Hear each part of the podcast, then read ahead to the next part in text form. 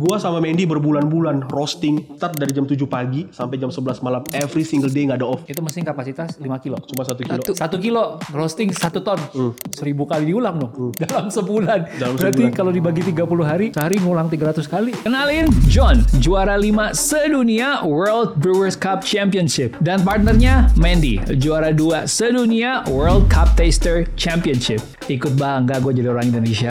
Dua tahun yang lalu, bahkan sesama orang kopi itu nggak kenal mereka. Jujur gue sebelum lu menang gue nggak kenal sih. Drop out, Iya gua DO. nggak bisa bahasa Inggris, ya. Dari Google Translate gue bisa punya Grammarly sekarang. Jadi dibagusin. nggak pernah kursus kopi. Apa pun yang selama ini didapatkan justru dari kompetisi. Lihat hasilnya sendiri waktu John tampil di World Brewers Cup Champion. I'm pairing matriculate with Kalita with paper filter for efficiency. Gila nggak tuh bedanya? Belum lagi waktu pandemi mereka benar-benar terpuruk dan harus nerima pil pahit ketika ada seorang teman yang memberikan feedback yang uh pedes ya. Siapa yang desain? Gua bung. Jelek, ganti. Siapa yang mau beli barang beginian? Ini kenapa logo kayak gini? Lu mau buka tempat futsal? ya, gue coba. Ah, ya udahlah. Akhirnya mereka belajar mandiri dari YouTube dan yang terutama mereka punya mimpi yang jelas. World Brewers Champion ini sesuatu yang udah lu tempelkan di situ. Gue udah tempel dari 2019. Gue tempel buat World Cup Champion. Badannya juara tahun lalu, tahun 2021, kepalanya kepala gue. Jadi gue Oke. liatin. Ya. Akhirnya full goal sampai di goal mereka. Juara dunia serving great coffee for great people. Dan saking serunya obrolan ini, ini baru part 1. Jadi teman-teman nikmatin, lalu tulis di kolom komen apa yang lu dapat. Sampai ketemu di part 2. Hello, you're listening to 30 Days of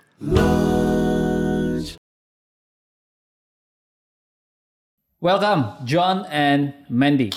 Halo, kok. Gue udah gak sabar banget ngobrol sama lo berdua. Karena dari semenjak pertama kali ke sini, 2020 ya kayaknya ya? 2021. 2021 ya? 2021 benar. Waktu itu kita pengen ngajak kerjasama, Iya. sekaligus gue udah suka banget sama kopinya. Iya. Eh ternyata nih orang berapa tahun kemudian akhirnya menjadi juara World Barista Champion, Iya. right? Tapi gue mulai dari situ dulu. John, Ah, ceritain dong buat teman-teman di sini oke. apa sih itu kejuaraan apa dan kenapa itu matters banget? Di kopi itu sebenarnya ada beberapa cabang kompetisi. Ya, Jadi uh, yang paling utama tuh ada world, uh, ada barista championship. Barista championship tuh uh, yang buat espresso, buat cappuccino, Iya. buat uh, signature bev. Terus ada yang nomor dua tuh tier 2-nya yang kita Brewers Cup Championship. yang filter ya. yang filter, jadi itu manual brew. Ya, Terus tier 3-nya mungkin ada latte art. Hmm. Latte art, tier 4-nya ada Mendy Cup Tester Championship. oke. Uh, terus ada yang suka surputnya sampai melengking gitu benar, ya. benar, benar, benar. Terus ada ada good spirit yang pakai alkohol. Ah, I ya, see. sama uh, ke roasting championship. Roasting championship. Roasting championship yang pakai mesin. Nah, mungkin buat beberapa orang berpikir kayak ngapain sih gue ikut kompetisi? Ngabisin waktu, ngabisin uang, ngabisin tenaga. Hmm. Cuma kompetisi bagi kita justru adalah hal yang sangat penting karena dari kompetisi kita belajar banyak hal. Gua dan Mendy bukan tipikal atau orang yang punya privilege buat bisa ngambil banyak kelas kopi yang mahal-mahal dulu Ya, dan kita uh, mulainya justru belajar dari kompetisi. Jadi kompetisi itu buat kita tuh kayak ujian. Sebelum kita kompetisi kita belajar, ketika kita kompetisi kita menang kita kalah, kita pun belajar. Iya. Kalau kita kalah kita penasaran, ini kok kenapa bisa kalah ya? Kita belajar, kita menang, kita pengen gimana caranya kita bisa lebih perfect daripada yang sebelumnya gitu. Bahkan mungkin ada beberapa uh, dedengkot kopi ya, sampai ngomong kadang ngomel kayak si John mah nggak bakal ngambil kelas gitu. Karena apa pun yang selama ini didapatkan justru dari kompetisi. I see. Jadi ketika kita uh, pada akhirnya bisa ngambil kelas gitu ya, di kelas itu justru banyak hal yang udah kita tahu gara-gara kita kompetisi. gue mau clarify Hmm, dulu. Lo by education sebenarnya DO kalau gue nggak salah. Iya gue DO. Tapi dia punya gelar Eskom, Apa tuh Eskom? sarjana kompetisi. Saya jarang kompetisi. Lulusan kompetisi kan, tapi ternyata malah bikin lo Iya. uh, skillnya terlatih Iya gitu. benar. Kalau orang kan nasakom, gue uh, nonokom. Apa tuh? Nasib 0, gue. GPA-nya ya. GPA 0, Kan lo memenangkan sebuah kompetisi taraf internasional nomor 5 ya. Iya. Sedunia. Hmm. Gitu. Dan lo mengalahkan orang dari berbagai belahan dunia. Hmm, Puji Tuhan.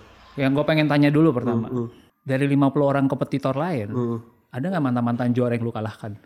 Uh, sebenarnya di kompetisi gue tahun lalu itu adalah kompetisi Brewers terberat dalam 5 sampai 10 tahun terakhir. Oh wow. Ya karena di kompetisi gua itu eh, isinya veteran yang udah 3 sampai 4 kali pernah di world event. Wow. Dan ada 4 sampai 5 orang yang mereka udah top 3 di uh, World Barista Championship. Wow. Dan mereka pindah cabang ke Brewers Cup di tahun itu. Oh, jadi dia udah pernah top 3 di yang pakai espresso Barista, mesin. benar. Dia pindah, ke, ke cabur lain nih. Benar. Wow. Dan dan ya gua gua ngomong ke Mendy, gua ngomong ke tim gua, tahun ini adalah tahun terberat. Eh, gua hanya bisa melakukan apa pun yang maksimal gue bisa lakukan. Iya. Sisanya itu anugerah Tuhan lah mau gimana pun gitu. Tapi gue selalu berpikir itu one way ticket. Susah banget. eh gue sadar banget level kompetisi di Indonesia lagi tinggi tingginya. Ya. Akan susah banget buat lu juara dua kali. Karena pasti akan ada orang yang punya level baru, skill baru, inovasi baru buat overcome lu gitu. Hmm. Jadi gue selalu berpikir ketika gue berangkat ke World, gue nggak mau tahu gimana caranya, gue harus bisa World Champion. Hmm. Which is buat gue sesuatu yang sangat-sangat nggak masuk akal di luar nalar siapa kita gitu. Siapa kita kita nggak punya koneksi World, kita nggak kenal siapa pun gitu. Ya. Kita nggak punya tim judge championship internasional gitu. Jadi segala sesuatu memang ya semuanya by anugerah, by grace. Nanti kita akan bahas soal anugerah ini ya. Iya. Karena kita punya tim namanya Grace. Iya. Apa guys? Belajarnya dari mana sih? Maksudnya eh, Yang kok bisa dipelajari di tahu kompetisi ah, ya? Yang dipelajari di kompetisi kan awalnya pasti nggak ikut kompetisi langsung Iya, belajar benar, ya. benar, benar. Ada tahap belajar dulu baru ikut kompetisi. Benar, benar, Nah itu belajarnya gimana? Dari mana? Dari mana tahu bahwa ini yang bagus, ini yang enggak sebelum ada you know Nah, orang yang jadi- menentukan ini bisa bagus jadi apa dia enggak. belajar hal yang salah gitu ya. Bisa jadi. Benar, Itu benar. Saking nggak taunya. Nah itu gimana tuh awalnya Ya. tuh? Jadi let's say gue mau brewing sebuah kopi. Ya. Nomor satu mungkin yang harus gue tahu kopi ini asalnya dari mana, diproses fermentasi seperti apa pasca panennya. Di kelas diajarin itu. Ya. Gue harus cari tahu sendiri. Lewat you know internet aja. Ya internet. So, uh, ngobrol sama orang, ngobrol sama petani, ngobrol sama prosesor. I see. Ya, level roast. Kelas roasting mungkin ngajarin itu gue mesti tahu. Oh ternyata di roasting ini ada yang namanya development ratio, ada yang namanya Maillard reaction, ada yang namanya drying phase. Gue belajar satu-satu dan ternyata ketika gue ngambil kelasnya, oh ini gue udah dapat loh di kompetisi. Walaupun gue nggak roasting, tapi gue tahu loh ini menjelaskan tentang apa gitu. Let's say um, untuk nyeduh kopi ini, kopinya harus digiling dong. Ketika kopi ini digiling, gue harus tahu ukuran kopi ini berapa mikron ukuran 800 mikron sama 1000 mikron tuh menghasilkan rasa yang berbeda. Kenapa? Karena dia punya density yang berbeda. Jumlah volatile compound yang ada di dalam partikel tersebut, kita harus tahu gimana cara ekstraksinya, dengan suhu berapa, dengan agitasi energi kinetik yang seperti apa, dan itu diajarkan di kelas. Jadi itu semua tuh by proses gue bertahun-tahun, eh, nggak mungkin dalam sekali tanding gue langsung tahu oh ternyata seperti ini. Enggak. Tapi tahun pertama, tahun kedua, tahun ketiga, tahun keempat nyambung sampai akhirnya gue misalnya dapat bahan. Eh lu kemarin baru ngambil kelas ya? Eh iya gue mau lihat dong bahan lu misalnya. Terus gue liatin eh gue udah tahu ini loh semua. Gara-gara kompetisi. Gitu. I see. Iya. Tapi pertama pertama kalinya lo belajar kopi itu berarti juga otodidak. otodidak bener jadi ya kita flashback lah ya kenapa gue bisa terjun di kopi gitu Iya iya iya. Eh, Nanti mungkin abis ini Mandy bisa nambahin nih. yes dua- Mengkonfirmasi saya benar apa enggak. Kayak gitu loh. Eh 2014 di tahun itu terinspirasi film Chef. Bentar. Oh chef. Chef. Iya, iya, Oke. iya, iya. Gue sama Mendy tuh dari dulu emang demen usaha. Kita buat kaos, jualan, kita buat apa jualan gitu. Nah di saat itu gue nonton uh, Chef terakhir-terakhir. Anjir, dia aja bisa jualan ini loh, jualan taco, burrito yang dia dipecat dari restoran gede terus dia bisa kayak gitu. Iya bikin food truck gitu. food truck kenapa gue nggak bisa gitu akhirnya uh, ngumpul dengan teman-teman lain kita mencoba ngelakuin hal itu sampai di satu titik uh, kita mau eksekusi itu tiba-tiba gue sadar sesuatu hal di waktu itu tiba-tiba uh, industri food truck yang lagi naik-naiknya turun industri uh, street food yang lagi naik-naiknya tiba-tiba stagnan. Kayak Baba Raffi yang pertumbuhannya tinggi banget tiba-tiba stagnan. Iya. Iya. gue merasakan kayak ah, ini ada sesuatu yang aneh nih market kenapa tiba-tiba berubah? Tapi gue nggak sadar ada coffee shop muncul di situ. Industri coffee shop 2013 2014 lagi berkembang. Gue nggak Iya, sadar waktu itu. Seiring dengan naiknya Instagram. yes benar. Nah udah mulai tuh kan yang foto-foto mas fotokopi mas apa Iya. gue nggak tahu tuh dulu. Teman gue bilang John buka coffee shop yuk. Kenapa buka coffee shop? Iya, lu gak sadar di mana-mana lagi banyak buka coffee shop. Oh, bener juga ya setelah gue perhatiin. Dan akhirnya eh, gue ngobrol dengan teman gue yang lain. Akhirnya gue undur dari yang mau buka jualan taco burrito itu. Iya. Akhirnya kita kerjain lah kopi. Dari awal pikiran gue bentuknya kopi, rasanya kopi, baunya kopi, warnanya kopi, cuan kelar gitu. Itu awalnya. Iya, iya, Karena iya, iya. balik lagi mindset kita kan mau bisnis, mau cuan. Iya, Benar, benar, benar. Gue gak pusing yang lain-lain gitu. Yang penting gue buat produk, gue dapat uh, income dan gitu. Ini jiwa Pontianaknya kayaknya bersuara. ya. Businessman gitu ya. Iya. Terus ternyata uh, di hari pertama kita buka coffee shop kita di depan Unpar dulu, persis di depan Unpar. Ya kita di, disamperin sama beberapa orang yang sangat mencintai kopi lah. Oke. Datang, komen, itu rame itu sabrek sekali datang sabrek. Kenapa lu pakai kopi kayak gini? Kenapa lu buatnya kayak gini? Ini salah loh. Ini rasanya tuh kayak gini, ini kayak gini gini gini gini gitu. Di saat itu eh, sedikit enggaknya gue merasa kok lu kayak mengintimidasi gue gitu. Oke. Kok lu kayak gini gitu. Kan gue berpikir kayak ya kita sesama industri ini mungkin harusnya saling support dong. Tapi ternyata eh, secara kasarnya gue merasa gue dijatuhkan gitu kayak ya dijelek-jelekin lah gitu di tempat gue Shaming, sendiri. shaming. Yes. Uh, mungkin gue dianggap lu gak ngerti kopi, lu buka kopi, terus lu buka embel-embel lu coffee shop, tapi lu sendiri kopi lu kualitasnya kayak gini gitu. Di hari itu, di saat itu, mungkin Tuhan kasih jawaban, kasih klik ke gue, ya mulai saat ini lu harus seriusin barang ini gitu. Barang ini gak sesimpel itu loh. Gak bisa cuman asal cuan aja. Nggak bisa asal cuan aja. Ternyata buat mendapatkan cuan lebih daripada apa yang lu lakukan sekarang gitu. I see. Ya makanya semenjak saat itu, waduh gue gak mau tahu gimana caranya, gue mesti tahu banget barang ini. I see. Gitu. 2014 mulai, Hmm. 2022 baru juara. 8 tahun. Iya. Itu berapa kompetisi? Wah, 20-an? 20 mungkin ada mas. 20-an. Juaranya berapa kali ko- nih? kompetisi ini ada ada levelnya tarkam, taruh antar kampung. Kamu tahu ya. tahu tahu tahu tahu. Yang yang misalnya Tarkam tuh resmi tapi. enggak, tarkam tuh kayak coffee shop mana ngajain throwdown, kita ikutan. Ada kampus mana ngadain throwdown, kita ikutan gitu. duit gitu. Iya.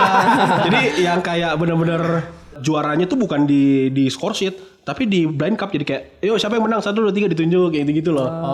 Nah, gue banyak banget dulu ikut throwdown itu, beberapa kali kita dapet. Terus akhirnya naik ke level yang lebih tinggi, ada open service namanya. Yang gue lakukan tuh open service. Open service dengan skala kota lah ya, gue pernah dapet. Terus Kota nih berarti di Bandung ya? Nah, dia di Bandung. Nah, terus uh, naik lagi skalanya uh, skala nasional tapi enggak resmi nasional. Dulu ada namanya Bandung Brewers Cup. Oke. 2018. Itu pas gue pulang dari Qatar 2018 gue ikut Bandung Brewers Cup. Levelnya tuh nasional. Kenapa? Karena dari seluruh Indonesia orang itu ikut. Karena waktu itu Bandung Brewers Cup BBRC adalah ajang pemanasan buat orang kalau mau tanding nasional. I see. Nah, gue dapet tuh di tahun 2018. Baru menang nasionalnya uh, actualnya 2022. Jadi kalau mau ditotalin tuh gue compete ya mungkin hampir 20 kali lebih. Wow. Dari 2000 gue compete berarti dari 2016. Ya 16 awal. Gua pengen ngedalamin ini ya. Oke. 20 kali sampai total mungkin 4 5 kali menang Uh, uh, yang ada pialanya gitu. ada lah. mungkin Ada lah ya. Iya. Yang paling Tinggi. yang paling Kemarin ini. tinggi ya, gini 2002. kemarin ini di Melbourne ya. Ya. Gue denger 20 kali aja gue udah kayak mau nyerah di tengah gitu. Dan total 8 tahun kan dari semenjak Iya. gue mulai. Definitely life changing ya. Life changing. ya. Tempat yang kita ada sekarang ini juga bukti Oh, bahwa life iya, changing itu iya, kan. life Ya. changing, Iya. Ini belum bisa di reveal nih bahkan dari semenjak kita rekaman ini belum bisa di reveal iya, ya, benar, masih benar. rahasia. Benar. Tapi gue pengen dalamin lagi effort yang lo taruh buat bisa menang gitu. Yang gue tahu karena suka ngobrol sama teman-teman yang lain gitu. Ada yang ngedatangin coach dari luar negeri buat ngelatih. Ada yang nyetok biji kopi tertentu berapa puluh kilo setiap hari dilatih sampai bisa dapetin yang sempurna. Kalau lu prosesnya gimana? Jujur, jujur li, jujur li. kita bener-bener eh, nggak ada coach sama sekali. Gua selama ini sampai sebelum kita menang tahun lalu, tim gua hanya gua dan Mendy. Wow. Ke mana-mana. Berarti lu di coaching Mendy ya? Bu iya. Iya, Bu bos. Life coach, life coach. Bukan di coaching saudara.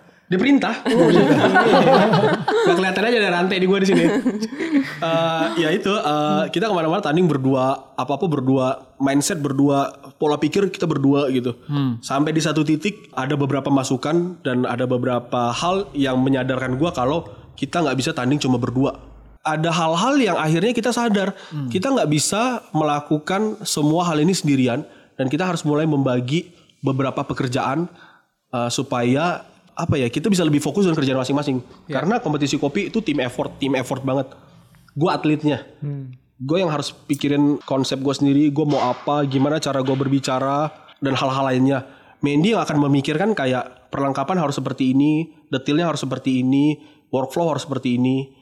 Dan akhirnya tahun lalu kita belajar untuk membuka diri. Ya. dan memutuskan untuk oke mungkin saatnya kita uh, punya tim. Karena sebelumnya kita rahasia-rahasian banget nih. Kita nggak mau banget rahasia kita orang lain tahu gitu. Iya. Ketika kita punya tim dan timnya orang luar dan dari roster lain pula, Iya. berarti kan dia punya kartu as yang kita punya gitu. Iya, iya. Iya. Ya, tapi di satu titik kita merasa kayak industri ini nggak akan berkembang kalau lu nge-keep diri lu sendiri. Segala knowledge yang lu tahu hanya punya lu nggak bisa. Dan apa yang lu tahu belum tentu lebih better daripada orang lain yang tahu juga hal yang lu tahu gitu. Dan kita berpikir, oke kita punya tim dan akhirnya uh, kita punya teman di dekat sini juga buah batu, Rocky namanya. Uh, kita udah temenan dia lama dan uh, Rocky juga selalu kompetisi. Di tahun kemarin Rocky nggak kompetisi dan kita tanya Rock mau bantuin nggak? Akhirnya dia bantuin. Terus ada teman kita lagi Kevin. Uh, jadi Rocky lebih ke membantu uh, mensinkronkan dan mengkerucutkan konsep yang gue buat. Karena Rocky uh, orangnya scientific banget. See. Uh, dan uh, kita punya Kevin. Kevin orang Jogja. Uh, Kevin roastery juga. Dan uh, Kevin selalu punya akses buat kopi-kopi mahal lah. Dan dia biasa buat roasting kopi-kopi tersebut. Iya. Jadi gua nggak perlu pikirin kopi dan roasting. Gua nggak perlu pikirin hal-hal detail yang Mandy lakukan. Gua nggak perlu pikirin timeline apa yang harus lakukan lakukan. Tapi gue bisa fokus dengan diri gue sendiri. Jadi mereka yang akan bantu gue gitu. I Jadi benar-benar tim effort banget. Wow. Gue mau ke Mandy deh kalau gitu. ya. Iya. Tadi kan dia ngomongin kayak lu nyiapin perintilan banget ya Mandy ya. Seberapa perintilan sih yang dipikirin? Karena gua nggak pengen orang dengerin episode ini terus ngerasa kayak, hah? Cuma nyiapin apa? Ceret, timbangan, grinder. Semua orang juga bisa gitu. Right? Gue pengen lo kasih lihat bahwa level of detail yang lo mesti taruh untuk level internasional tuh gimana gitu. Ya peralatan-peralatan pasti. Ya. Terus persiapan kayak misalkan kemarin kita eh, ke Melbourne ya segala urusan visa, terus penginapan, transport dan lain-lain. Itu semua budget sendiri ya? Kenapa? Itu semua budget sendiri ya? Eh, Mostly. Mostly. Ya, tapi kalau misalkan kita menang Indonesia, eh, kita ada subsidi dari asosiasi I see. untuk Oke. berangkat ke kejuaraan dunia. Hmm, ya seperti itu sih. Terus juga detail-detail lainnya ketika ya persiapan kompetisi juga kadang ada hal-hal yang ya nggak mungkin John kerjain itu sendiri. Jadi harus ada apa ya teman sharing ya. Hmm. Ya teman sharing dan maksudnya ya di situ ketika dia tiba-tiba kayak tadinya pilih kopi ini nanti berubah jadi kopi ini nanti uh, mau pakai alat ini tiba-tiba berubah lagi jadi alat ini. Ya di situ tugas saya yang harus kayak emang lu yakin John kayak gini? Lu yakin? Kadang-kadang tuh cuma kayak pengen kayak nggak yakin tapi sebenarnya yakin gitu kayak galau gitu lah. Ya tugas saya tuh kayak meluruskan dia. Yakin nggak? Kalau misalkan udah yakin ini ya lu yakin. Jangan kayak ganti sana sana sana kayak gitu Tambahannya tuh mungkin uh, di sisi lain kayak technical misalnya. Dia harus tahu kapan gua tuang air detik ke berapa, Ah, selesai detik iya. ke berapa, oke. gerakan gue di menit ke satu apa, Iya. gerakan gue di menit kedua apa, Ya, ketika gue lagi nuang, gue lagi ngomong apa, Iya. dia tahu semua. I see. Oh ya, oke oke oke oke. Gua akan breakdown ini sedikit buat Iya, iya, teman-teman yang iya, dengerin iya, ya. iya, iya. Coba, Karena coba, kan coba. Gue juga pengen tahu nih. yang disebut dengan open service tadi adalah lu membuat sebuah ritual. Iya. Lu menjelaskan kopinya, lu bercerita apa yang lu akan lakukan, kopinya rasanya kayak gimana, ke judges ada tiga orang. Benar, gitu. benar. Terus sambil lu nyeduh Iya, lagi. benar. Terus timing lu nyeduh kan nggak boleh salah, Iya, gramasi airnya nggak boleh salah. Iya, benar. Dan itu semua harus dilakukan di bawah 10 menit Benar, supaya nggak kena overtime, Overtime. dan lu harus potong poin. benar. Nah, berarti bagian lu ngomong apa di detik keberapa dan lagi ngapain itu udah di Dari ada script. scriptnya tuh. Benar. Wow. Jadi pakai kode gitu. Udah menit berapa gitu pakai kode. Nggak kode sih, itu lebih ke lebih ke mereka punya skrip, gue harus hafalin. Jadi Ya. di gua gua harus latihan sehari 8 jam, 7 jam, 15 kali run, 10 20 kali run dan itu jadi muscle memory buat gua. Jadi benar-benar kayak gua gua hafal banget. Tapi mereka juga bisa sadar di luar. Contoh kayak Firman kayak Anan. Ketika kita lagi jalan, kok lu berubah ya? Tadi sebelumnya lu ngomong ini, lu kayak gini. Gua next run, lah kok lu berubah lagi ya? Jadi gue tuh tipikal orang yang sangat-sangat melakukan kesalahan 10 kali run, gue punya 10 kesalahan yang berbeda. Tapi gara-gara 10 kesalahan itu berbeda, ketika gue melakukan kesalahan apa pun itu di atas stage, gue tahu langsung gue mesti ngapain. Oke. Misal gue salah ngomong A, oh gue tahu gue bakal ngomong B. Gue salah Oke. melakukan C, gue jadinya ngelakuin D gitu. Iya. Tapi semua tuh masih dalam gambaran besar yang sama. Oke. Jadi gue lebih gampang apa ya bahasa jelek itu kayak gue gampang ngeles lah. Manuver, manuver. Manuver, gue lebih gampang bermanuver gitu. Pivot anak basket pivot. Pivot, Iya, pivot, pivot. benar, benar, benar. Iya, iya, iya. Oke, Make sense now. Iya. Lu di situ bertanding lu mesti dengan pakai bahasa Inggris.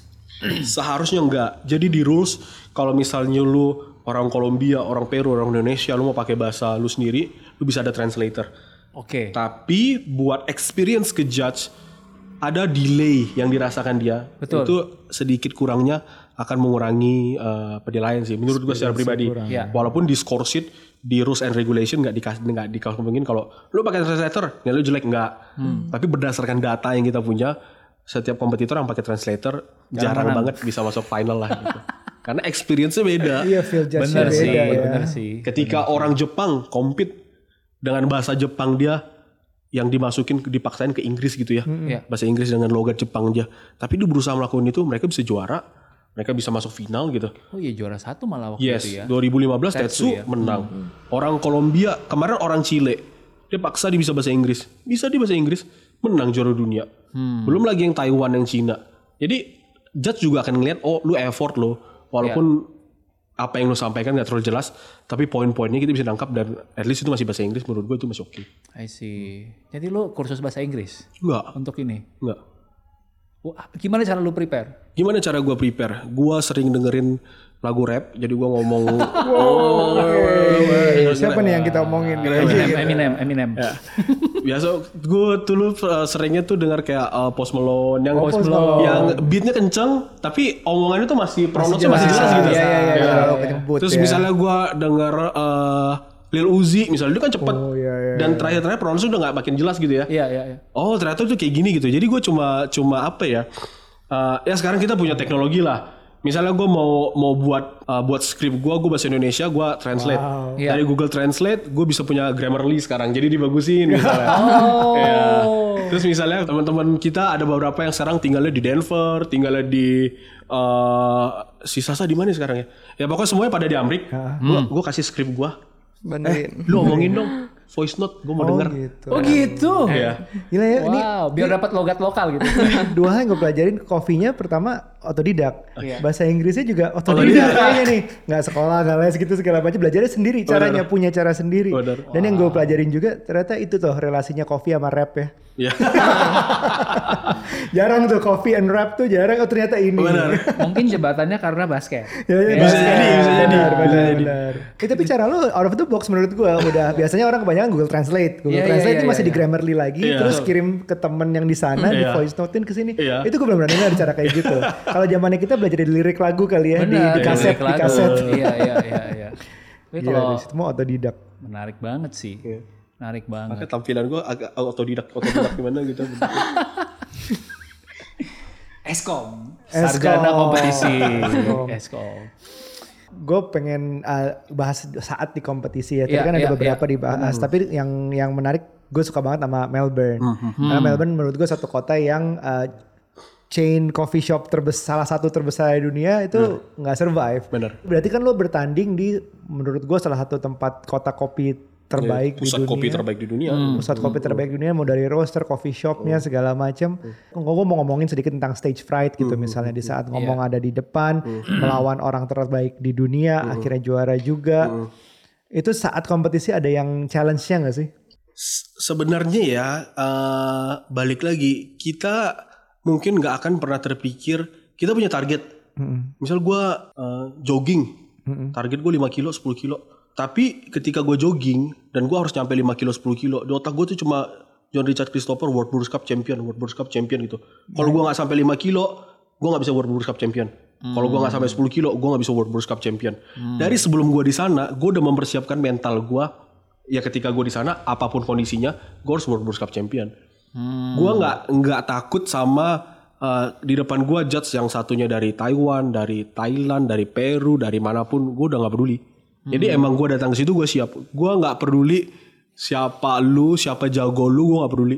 Karena di saat itu dan di sanalah gue bisa mengukur siapa gue, siapa gue sebagai orang Indonesia, di mana posisi gue di antara gunung-gunung itu. Ya itu Tuhan persiapkan gue dari terlalu banyak kompetisi itu. Dari yang dari Tarkam, dari level nasional kecil-kecil yang banyak itu, mental gue dipersiapkan. Jadi ketika orang nanya kayak, John gimana perasaan lu di sana? Ya biasa aja. Biasa gue emang datang buat kompetisi. Hmm. Gue gak mikirin yang lain. Emang tugas gue datang bela negara gue kompetisi. Udah dan Nggak ada tuh momok Melbourne sebagai kota terapa kopi di dunia. Ada. Wow. Wow. 20-an kali kompetisi ya Rup ya. Mungkin emang itu ya practice makes perfect Benar, ya. benar, benar. Terlatih karena biasa karena bisa karena biasa. bisa karena biasa. Luar biasa. Gue flashback sedikit. Karena waktu pertama kali ketemu John tuh ya memang sudah semenarik ini orangnya ceritanya. gue ingat banget gue nanya, eh boleh nggak gue ke atas lihat roastingan? Oh ya main-main aja ke atas gitu kan. And then yang pertama gue lihat adalah di tembok-tembok tuh ada tempelan macem-macem. Salah satu tempelannya adalah ada lapangan basket. Kalau nggak salah waktu itu ya. Iya benar. Terus dia cerita, wah ternyata awalnya Fugol tuh dijualnya konsepnya adalah pakai nama-nama yang hubungan sama basket. Iya, Eh, benar. Ternyata nggak works. Iya.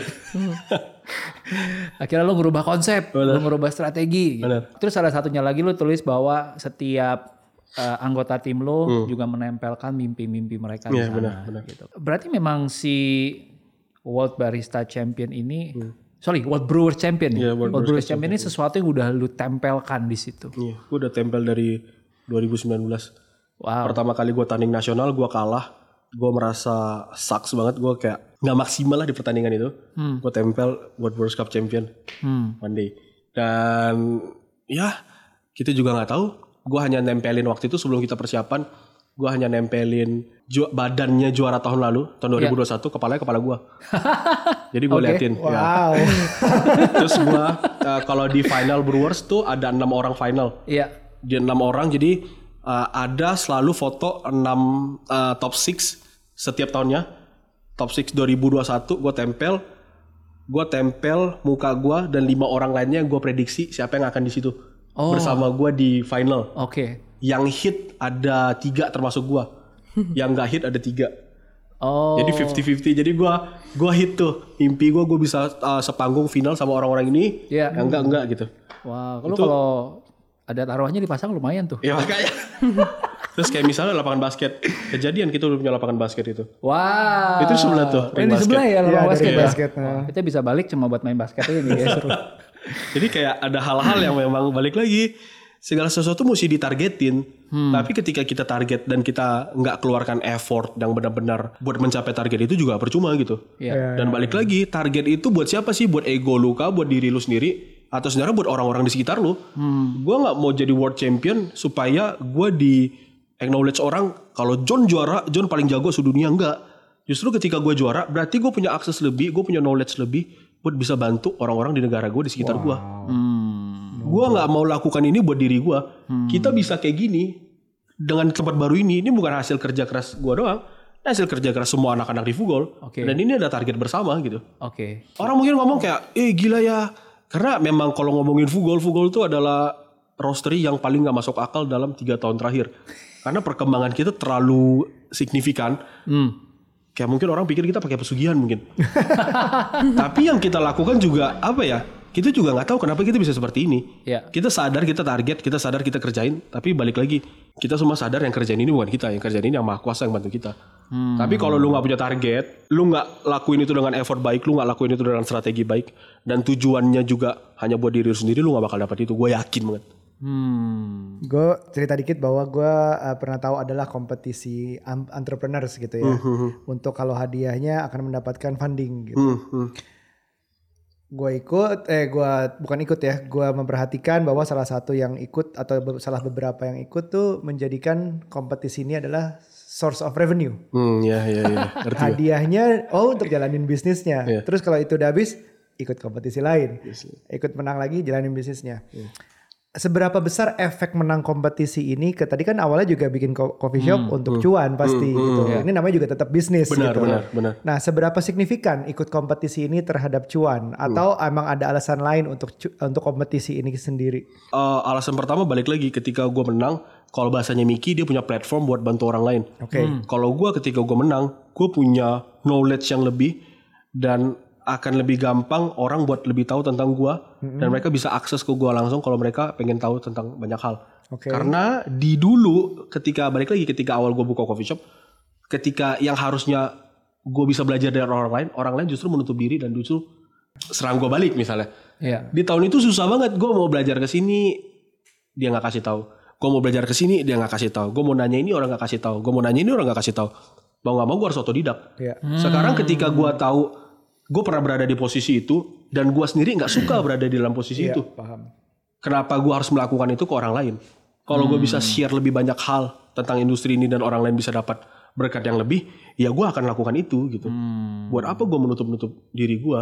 Iya, iya. Balik lagi tentang revenue, ketika kita menang nasional, naik 20% lah Dari penjualan berarti. dari penjualan. Ah. Ya dari omset 20%. Pas kita uh, dapat uh, peringkat 5 di World, naik lagi mungkin sekitar 10 persenan lagi gitu.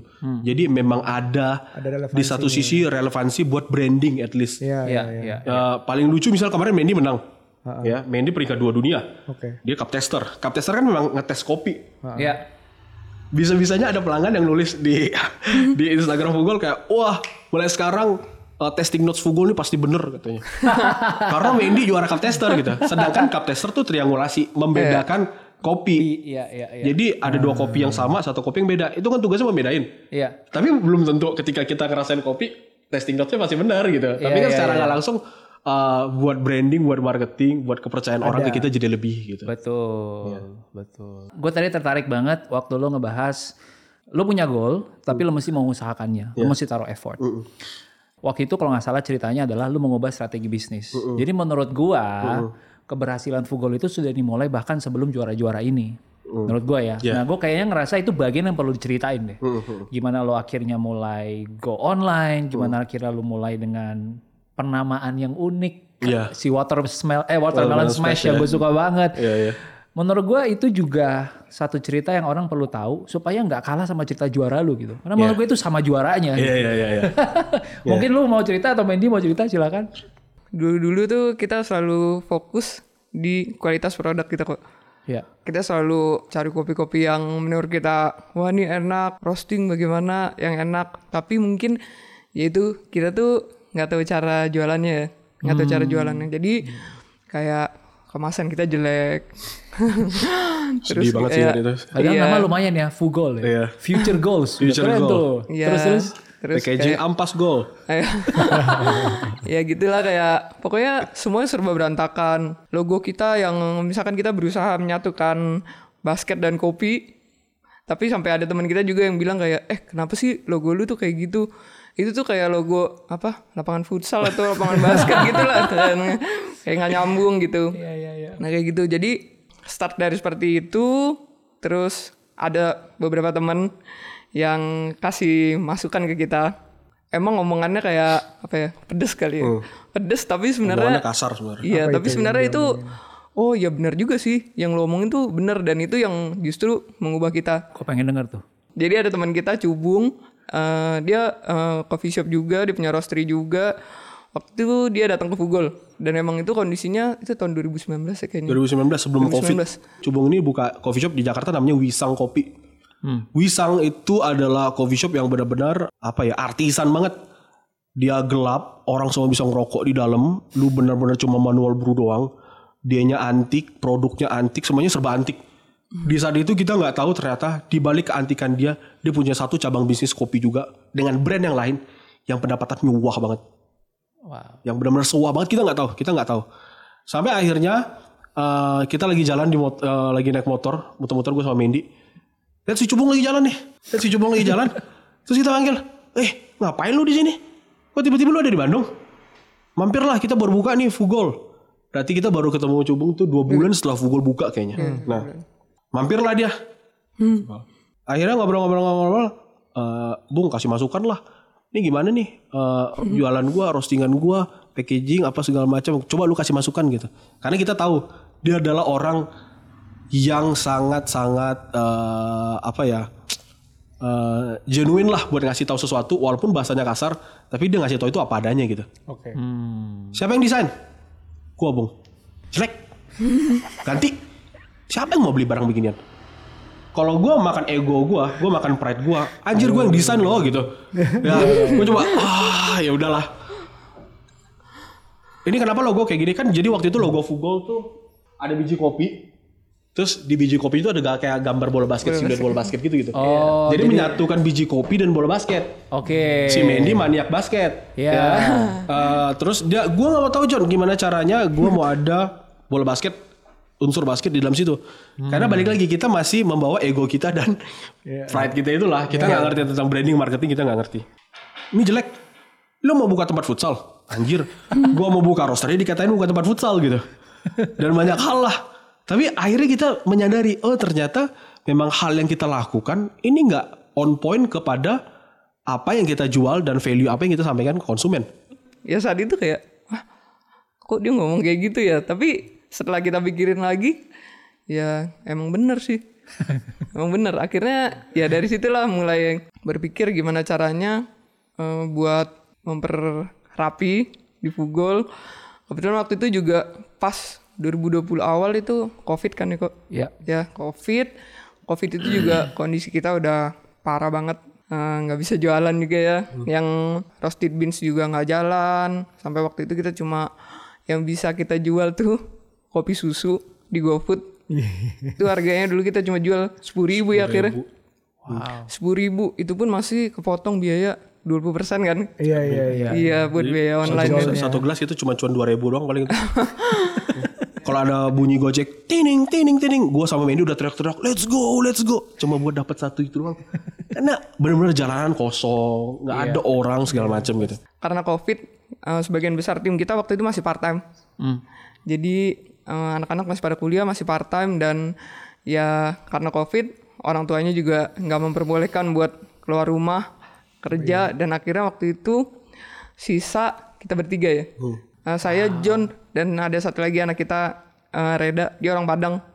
Makanya dia nggak bisa pulang kampung. Akhirnya dia tetap nge-save di Google. Ya udah bertiga itu dan dalam kondisi yang benar-benar terdesak waktu itu ya kalau kita nggak ada penjualan kita susah makan ya. Nggak ada duit buat makan. Eh, ditambah juga masukan dari teman-teman kita kayak cubung gitu. Akhirnya Isut, isut, isut, isut, isut, maunya. akhirnya John mulai mempelajari tentang gimana cara jualan ya mulai dari nonton eh, YouTube waktu itu channelnya apa John Self learn. Nah ya self learn itu. Jadi setiap malam dia selalu nonton channel itu. eh, dia catetin kayak step-stepnya kita harus ngapain aja sih. Mungkin itu tentang branding ya. Branding, marketing dia catetin. Mungkin 2-3 jam setiap malam. eh, dia catetin itu dan ya dia mulai mengaplikasikan itu ke Google. Ya kita mulai rapiin gambar-gambar, packaging, terus kita juga mulai rapiin eh, toko-toko online kita. Ya itu sih startnya mulai dari situ. Ya gue melengkapi cerita ini lah ya. Iya, Jadi iya. ketika 2019 kita buka Fugol, memang awalnya kan kita sebenarnya pengen buka di Bali sebenarnya. Future goal kita tuh di Bali. Karena kita memang memang demen banget di Bali dan uh, ya kita pengen pindah ke Bali waktu itu. Terus tapi uh, balik lagi selalu segala sesuatu kan Tuhan yang arahin gitu ya. Iya. Ketika kita udah plan, yuk kita ke Bali. Tahun sebelumnya akhir tahun gue baru menang Bandung Brewers Cup tadi 2018. Dan kita merasa kayak kalau lu ke Bali, lu benar-benar mulai dari sesuatu dari nol, orang nggak kenal lu. Kalau lu stay di Bandung, at least lu masih punya momentum dan nama buat membuka si usaha baru lu ini gitu. Jadi why not lu stay di Bandung aja. Akhirnya kita stay di Bandung. Uh, kita punya mesin kecil waktu itu uh, kapasitasnya satu kilo. Kita berangkat dari situ dan kita memang kita punya impian buat roastery dari 2016 karena kita berpikir uh, alangkah senangnya ya kalau suatu hari kita bisa produksi kopi kita sendiri gitu. Nah berangkat dari mesin kecil kita itu yang pakai listrik itu kita satu bulan paling roasting 20 kilo 10 kilo. Itu buat kita sendiri. Ya. dan orang juga nggak akan segampang itu percaya ke kita beli. Karena kita emang bukan roaster. Karena kita bukan roaster orang nggak akan segampang itu percaya kepada uh, kita. Ya. jalan jalan jalan jalan mulailah naik. Mulai naik ya dari 20 jadilah 25 kilo 30 kilo gitu ya. Pembelian di coffee shop juga naik gitu. Tapi seiring berjalannya waktu uh, beberapa hal memang terjadinya stagnan aja Uh, ya nama-nama itu udah mulai keluar lah nama-nama itu kan kita ATM amati tiru modifikasi Iya. ada roastery roastery lain yang memang uh, mengeluarkan produknya dengan nama-nama yang unik sehingga itu menambah value jualannya dia gitu. Betul. Dan kita ikutin dan Watermelon Space adalah salah satu keberhasilan kita. Hmm. Dan kita, ternyata Watermelon Space tuh pembuka pundi-pundi kita ternyata. Iya. Sebenarnya Watermelon Space itu adalah uh, kopi dari Garut, daerahnya Kamojang. Ya. Uh, prosesnya natural. Rasanya tuh pertama kali pas kita punya itu, kayak kita makan semangka yang pas kita makan merah terus kegigit daging putihnya. Oh. Rasa berair tapi ada aroma semangka gitu. Itu benar-benar kayak gila ini semangka banget ya. Makanya gue kasih nama watermelon smash. Jadi smash lah beneran cuannya lumayan tuh gara-gara itu gitu. Covid hit. Kita harus jualan kopi 10 ribu. Cuma bisa online. Di saat itu eh gue bilang ke Mandy, Men, gue nggak bisa kayak gini. Kalau kita kayak gini terus kita mati. Dan kita harus mau tanggung jawabkan modal yang orang tua dia udah kasih buat kita. Fugol berangkat dari modal orang tua Mandy. Gue laki-laki, gue harus bertanggung jawab atas hal ini. Dan balik lagi, belas kasihan Tuhan mengarahkan gue untuk itu. Tiba-tiba muncul di explore YouTube gue, nama channelnya selflearn.en. Selflearn.en isinya adalah bahan-bahan MBA. Branding 101, Marketing 101, Finance 101, apa 101. Gue dengerin, terus gue, otak gue langsung connect kayak, ini jawaban dari lu nih. Ini jawaban dari lu nih. Misalnya di uh, branding 101, dia kasih contohnya jam. Lu punya produk jam. Jam itu lu harus tahu lu buatnya buat siapa. Di di di di situ dia kasihnya jam ini buat ibu-ibu. Loh, kok jam buat ibu-ibu? Jam ini buat membantu pekerjaan dia di rumah, menghandle uh, urusan rumah tangganya lah. Kok bisa jam buat ibu-ibu menghandle pekerjaan rumah tangga? Ternyata itu adalah smartwatch. Jadi dengan smartwatch itu dia punya uh, punya jadwal. Jadwal ini lu ngapain? Uh, anak lu bakal ngapain? Itu terkonek dengan anaknya dengan suaminya. Terus jam itu punya fitur yang lain-lain lain-lain lagi. Nah di situ gue diajarin coba gue jadi jam itu. Coba Fugol jadi jam itu. Fugol ini buat siapa sih? Akhirnya gue sadar Fugol ada buat homebrewers barista dan pemilik kafe oke lu udah tahu market lu siapa value apa dari dari produk lu yang bisa lu sampaikan ke market lu nah di saat itu gue berpikir dari si self learn itu oh ternyata Fugol hadir buat memecah permasalahan yang dimiliki oleh barista, homebrewers dan pemilik kafe. Permasalahan paling utama adalah apa sih? Permasalahan utama adalah waktu dan cost. Ketika mereka beli kopi, mereka harus melakukan kalibrasi terlebih dahulu. Seduh beberapa kali sampai mereka bisa dapat yang enak, baru mereka punya resepnya, mereka kasih lagi ke baristanya, baru itu bisa dijualin. Dalam satu bungkus kopi mereka bayar 100 ribu, mereka udah keluar kos 20 ribu sampai 30 ribu. Hanya untuk kalibrasi. I see. Gue punya problem buat di solve dong. Ya. Oke. Solve pertama, gue harus punya profile rose yang gampang diseduh. Satu, gue harus memberikan panduan dan fitur resep kepada mereka. Jadi ketika mereka dapet beansnya, mereka langsung seduh, ikutin resep itu, auto enak. Tapi itu belum cukup. Inovasi yang ketiga adalah dan orang lain waktu itu belum ada yang melakukan ini. Ya. Mungkin sekarang segelintir orang yang ngikutin ini. Kita kasih sampel grind size. Oh. Kenapa? Grinder yang lo punya, grinder yang lo punya sama gua punya pasti berbeda. Betul. Kita hanya bisa menyamakan ukuran mikronnya dengan grinder yang berbeda. Ya. At least ketika gua kasih sampel grind size itu, lu akan mencoba nyamain. Oh ternyata di sini loh, gua samain, gue ikutin resepnya, udah enak. Itu memecahkan permasalahan time and cost. Dia nggak butuh waktu yang lebih buat buat kopi itu jadi lebih enak. Ya. Biaya yang dikeluarkan juga jadi lebih sedikit I see. itu benar-benar membantu banyak orang. Dan di saat itu orang-orang merasa kayak gila ya kok lu bisa berpikir kayak gini. Gue juga nggak tahu. Habis itu kita berpikir value apa lagi yang gue bisa tuangkan ke dalam packaging gue. Setiap kopi yang kita punya itu berdasar dari semua origin yang berbeda. Walaupun dari satu Jawa Barat kita punya sekitar 10 sampai 20 origin. Gue bisa dong mengangkat kearifan lokal yang terdapat di origin tersebut. Misal dia punya tarian apa, dia punya binatang apa, dia punya makanan khas apa, gue masukin di packagingnya. Oh, itulah mulai tuh ilustrasi yang lucu-lucu Yes, itu ya. yes. Terus Oke. gue berpikir, gue pengen punya produk kayak Nike. Oke. Ketika orang pegang Nike, ketika dia pegang dusnya, dia rasakan dusnya, dia buka dusnya, dia buka kertasnya, dia pegang barangnya, itu tuh semuanya benar-benar punya feel gitu. Kayak lu beli MacBook, lu beli iPhone, Ketika lu buka, lu pil, lu apa segala macam. Iya ya. Kenapa kita nggak menerapkan ini loh? Sensasi unboxing. Kita buat box, kita buat apa-apa segala macam. Jadi orang tuh mendapatkan experience yang lebih, nggak cuma ngopi doang. Dari dia pegang kotaknya, dia buka, dia baca, dia apa segala macam. Balik lagi prinsip gua adalah dia beli produk kita, dia bayar pakai uang. Gua harus memberikan value yang setara dengan uang yang dia kasih supaya dia jadi berkat, di gue juga jadi berkat. Hubungannya kita punya relasi saling membangun, bukan cuma produsen konsumen. Tapi gue pengen jadi teman kalian, gue pengen jadi sahabat kalian gitu. Gue nggak menyampaikan itu dengan gue samperin satu-satu, gue telepon satu-satu, gue chat satu-satu. Tapi dengan lu pegang produk gue, lu merasakan kalau gue care sama lu. Nah pelan-pelan di situlah kok, itu pelan-pelan naik tuh. Yang awalnya di covid ya, kita punya kita punya omset tuh cuma 10 juta. Omset tuh 10 juta, lu belum bayar sewa, belum gua makan sama Mendy, belum bayar si Reda tadi, belum bensin motor. Tiba-tiba eh, di akhir tahun, justru di tengah covid lah kita naik. Di akhir tahun kita hampir 10 kali lipat. Wow.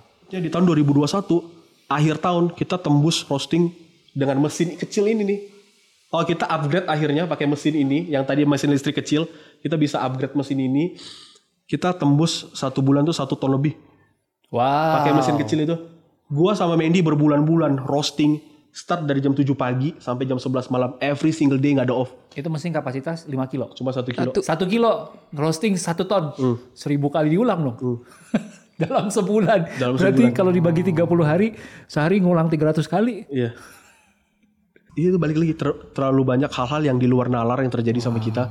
Tapi balik lagi itu Tuhan yang berbelas kasihan mengarahkan itu ke kita gitu. Karena balik lagi gue punya mindset di mana pun lu ditempatkan, apa pun pekerjaan lu, lu memang ditempatkan Tuhan berbagian dan berkarya di situ buat orang-orang di sekitar lu. Makanya kita punya tagline Great Coffee for Great People. Uh, itu gue ambil dari gue baca Agustinus. gue lupa judul bukunya apa. Agustinus nih uh, tokoh Katolik tahun abad ke-13. Dia bilang apa pun pekerjaan lu lakukan dalam kesenangan di dalam Tuhan. Yang artinya adalah Tuhan kasih segala jenis pekerjaan dengan dengan level yang berbeda-beda. Kita, hanya kita yang manusia yang membuat itu kayak ini pekerjaan jelek, ini pekerjaan bagus, ini pekerjaan rendah, ini pekerjaan tinggi. Kita yang buat. Tapi sebenarnya kita ini adalah satu bagian satu tubuh. Lu nggak mungkin cuma jadi mata, lu nggak mungkin cuma jadi telinga, gua nggak mungkin jadi tangan, gua nggak mungkin cuma jadi kaki. Kita ini satu tubuh, semua itu saling melengkapi gitu, iya kan?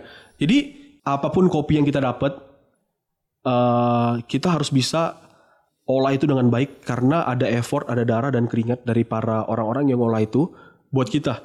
Kita harus memberikan kopi ini dan kita harus olah karena orang-orang yang minum ini bukan cuma barista, ada ibu rumah tangga, ada polisi, ada tentara, ada siapa pun itu.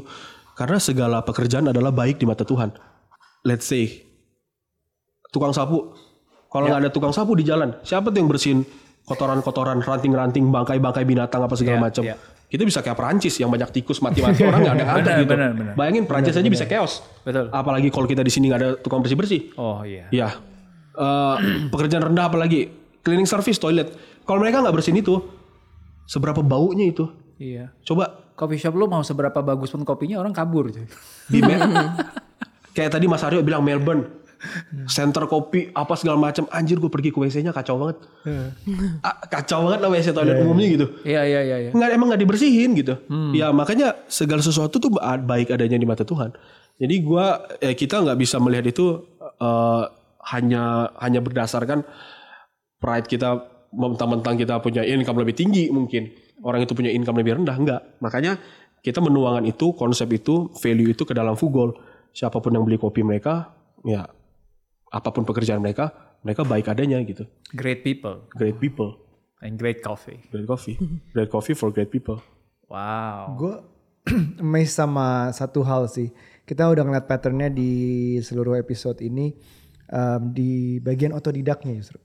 Kita ngomongin otodidak coffee, otodidak English, Iya. sampai otodidak dari semua yang marketing brandingnya itu Iya, tadi. iya, bener. Itu dipelajarin yang terakhir lo bilang 2-3 jam per malam Hmm. untuk belajar gimana branding sampai akhirnya you can piece the puzzle together sehingga menghasilkan brand-brand ini Hmm. Iya, terus uh, extra unboxing flavoringnya Benar, sampai tagline-nya. Uh, sampai sekarang dalam tahap balik ke branding basket lagi, orang tetap beli. Iya benar. Ya, jadi kayak iya. kalau kita mikir Nike nih sebelum orang tahu Nike, sebelum orang uh, dikasih logo checklist aja Sus ya. tanpa, tanpa dikasih sepatunya Iya, tanpa iya, apa, iya. kan nggak ada yang bisa ngecap bahwa itu brand olahraga. Iya, benar. It's just a Iya, check mark. Bisa aja perusahaan surveyor misalnya benar, benar, benar, benar. menentukan menceklis. Tapi tapi karena udah ada produknya, dia bisa ngarahin karena sekarang dia leading, dia bisa bilang bahwa ini olahraga. Brand Iya. kayak gitu tuh untuk olahraga. Brand kayak gitu mungkin untuk futsal misalnya udah karena Hmm, udah iya. ada itu sebelumnya. Tapi kalau saking besarnya nanti nama suatu brandnya itu sendiri dan produknya udah kuat, it doesn't matter It doesn't matter. sebenarnya. Iya, iya. Bentuknya seperti apa, basket lagi pun tetap laku basket dan kopi. Nanti lu mau tambahin mikrofon nge-rap gitu juga mungkin Iya, masih benar. laku kalau emang kualitasnya segitunya. Tapi ini gue ngeliat asik sih. Jadi tiga pattern otodidaknya itu mungkin kalau anak nanti homeschooling anak juga jadi itu semuanya. Bisa jadi, bisa jadi. Bisa jadi tuh Bisa gak perlu sekolah sini gue homeschooling Iya, jadi lu semua. Otodidak semua. Otodidak. Semua dan itu itu hal yang nggak bisa semua orang segampang itu ngelakuin. Walaupun lo berbagi ilmu lo, tapi kalau orang yang terima ilmunya juga nggak mau menghargai ilmu ini dengan mempelajarinya lebih juga nggak bisa. Nggak banyak orang yang bisa sedisiplin itu otodidak, sepinter itu nganalisa hasil yang dia dapetin terus menempatkannya di tempat yang pas te- tepat guna gitu nggak banyak. So that's your gift I think sih menurut gue gue Mungkin. salut banget bahwa lu bisa otodidak dan terbukti dalam beberapa hal gitu. I just wanna appreciate that. Gue ada you. pertanyaan. Silakan Rup.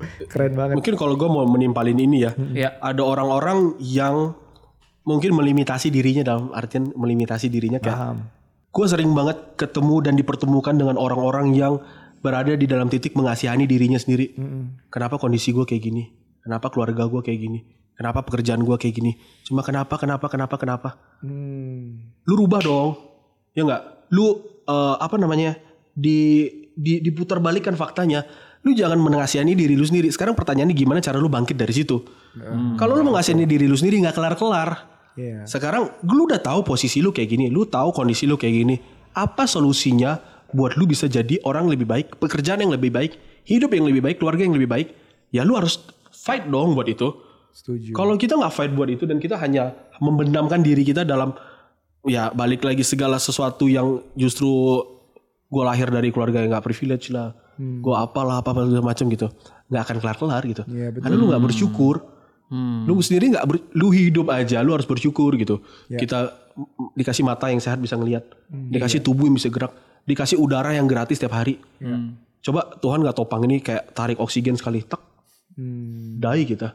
Jadi terlalu banyak hal yang uh, sebenarnya kita bisa syukuri, tapi orang tuh justru tenggelam di dalam uh, problem yang dia pikir Iya. hidup gue yang paling sial gitu. Enggak, gitu.